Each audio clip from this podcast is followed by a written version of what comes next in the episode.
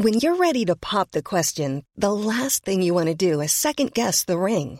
At Bluenile.com, you can design a one of a kind ring with the ease and convenience of shopping online. Choose your diamond and setting. When you find the one, you'll get it delivered right to your door. Go to Bluenile.com and use promo code LISTEN to get $50 off your purchase of $500 or more. That's code LISTEN at Bluenile.com for $50 off your purchase.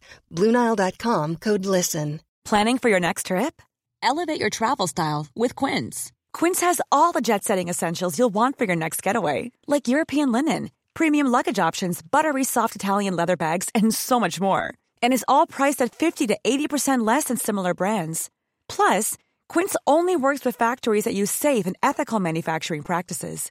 Pack your bags with high-quality essentials you'll be wearing for vacations to come with Quince. Go to quince.com slash pack for free shipping and 365-day returns.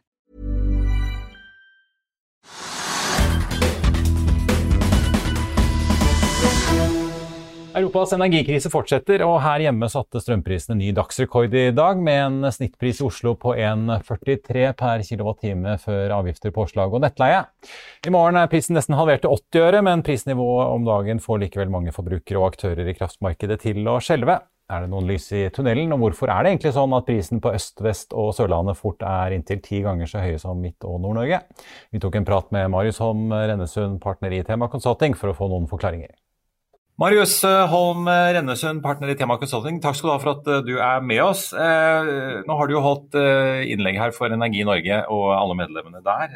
Men du, vi ser jo at situasjonen i Europa nå er såpass ille at kraftselskaper i Storbritannia til og med går konkurs og blir satt under administrasjon. Men det er kanskje ikke så ille i Norge, selv om strømmen er dyr?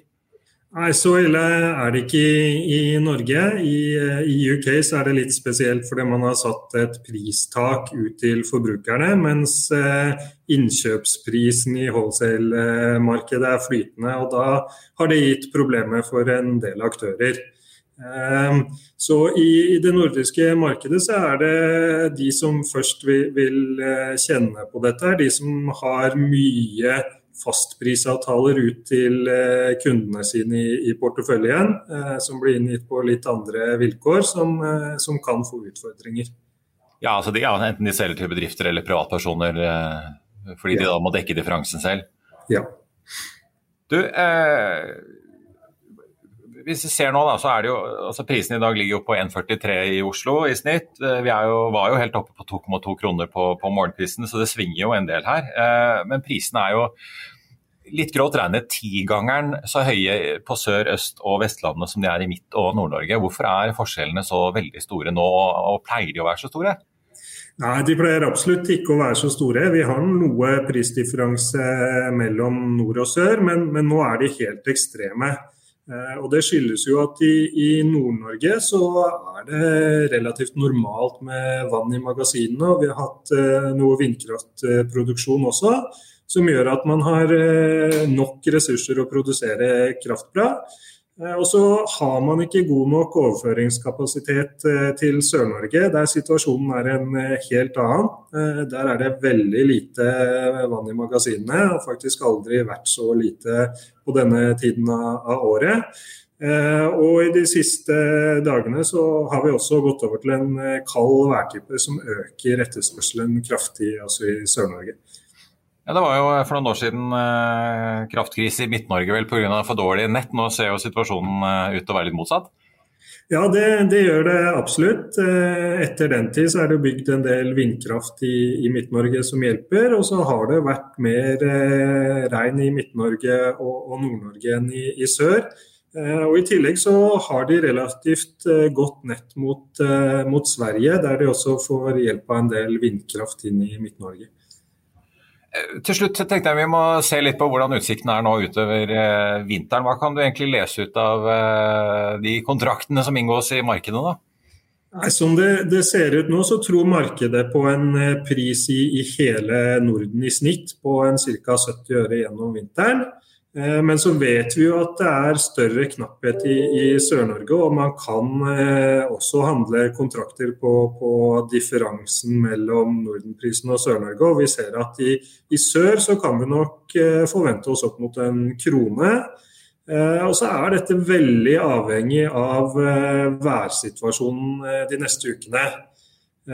Hvis vi får godt med nedbør også i, Sør-Norge, så, kan prisene bli liggende der eller kanskje litt under. Hvis det blir veldig tørt, Eh, og lite vind, og gjerne kombinert med en litt kald vinter, så kan vi bli avhengig av å importere kraft fra kontinentet, og i hvert fall eksportere mindre enn vi gjør i dag. Og da må prisene opp på de nivåene vi ser i, i Tyskland. Og der eh, forventes prisen på ca.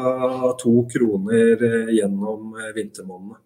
Ja, for Clouet her er, nå er vel å få nedbør i form av vann i magasinet, og ikke snø i fjellet som ikke blir til kraft før til våren igjen?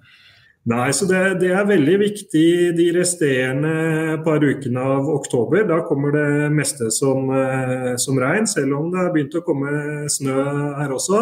Og det som skjer i begynnelsen av november. Eh, det kommer i form av regn, og det kan vi produsere kraft på gjennom denne vinteren. Det som kommer i form av snø, det kan vi ikke bruke til produksjon før snøen smelter eh, neste vår. Og, og hvis, eh, hvis, vi da ikke får vann, så sier du rett og slett at da må Sør-Norge Sør og, Sør og Vestlandet nærme seg tysk prisnivå for å rett og slett lokke strøm tilbake gjennom disse eksportkablene? da? Ja, det, det, må vi. Kraftmarkedet fungerer sånn at eh, kraften flyter fra der det er lavest pris til der det er høyest pris. Og da må vi først eh, komme opp på nivået vi ser i, i kontinent, på kontinentet, sånn at eh, eksporten blir mindre. Og, og, trenger vi eksport, så må vi ha priser som er høyere enn de vi, vi ser på kontinentet.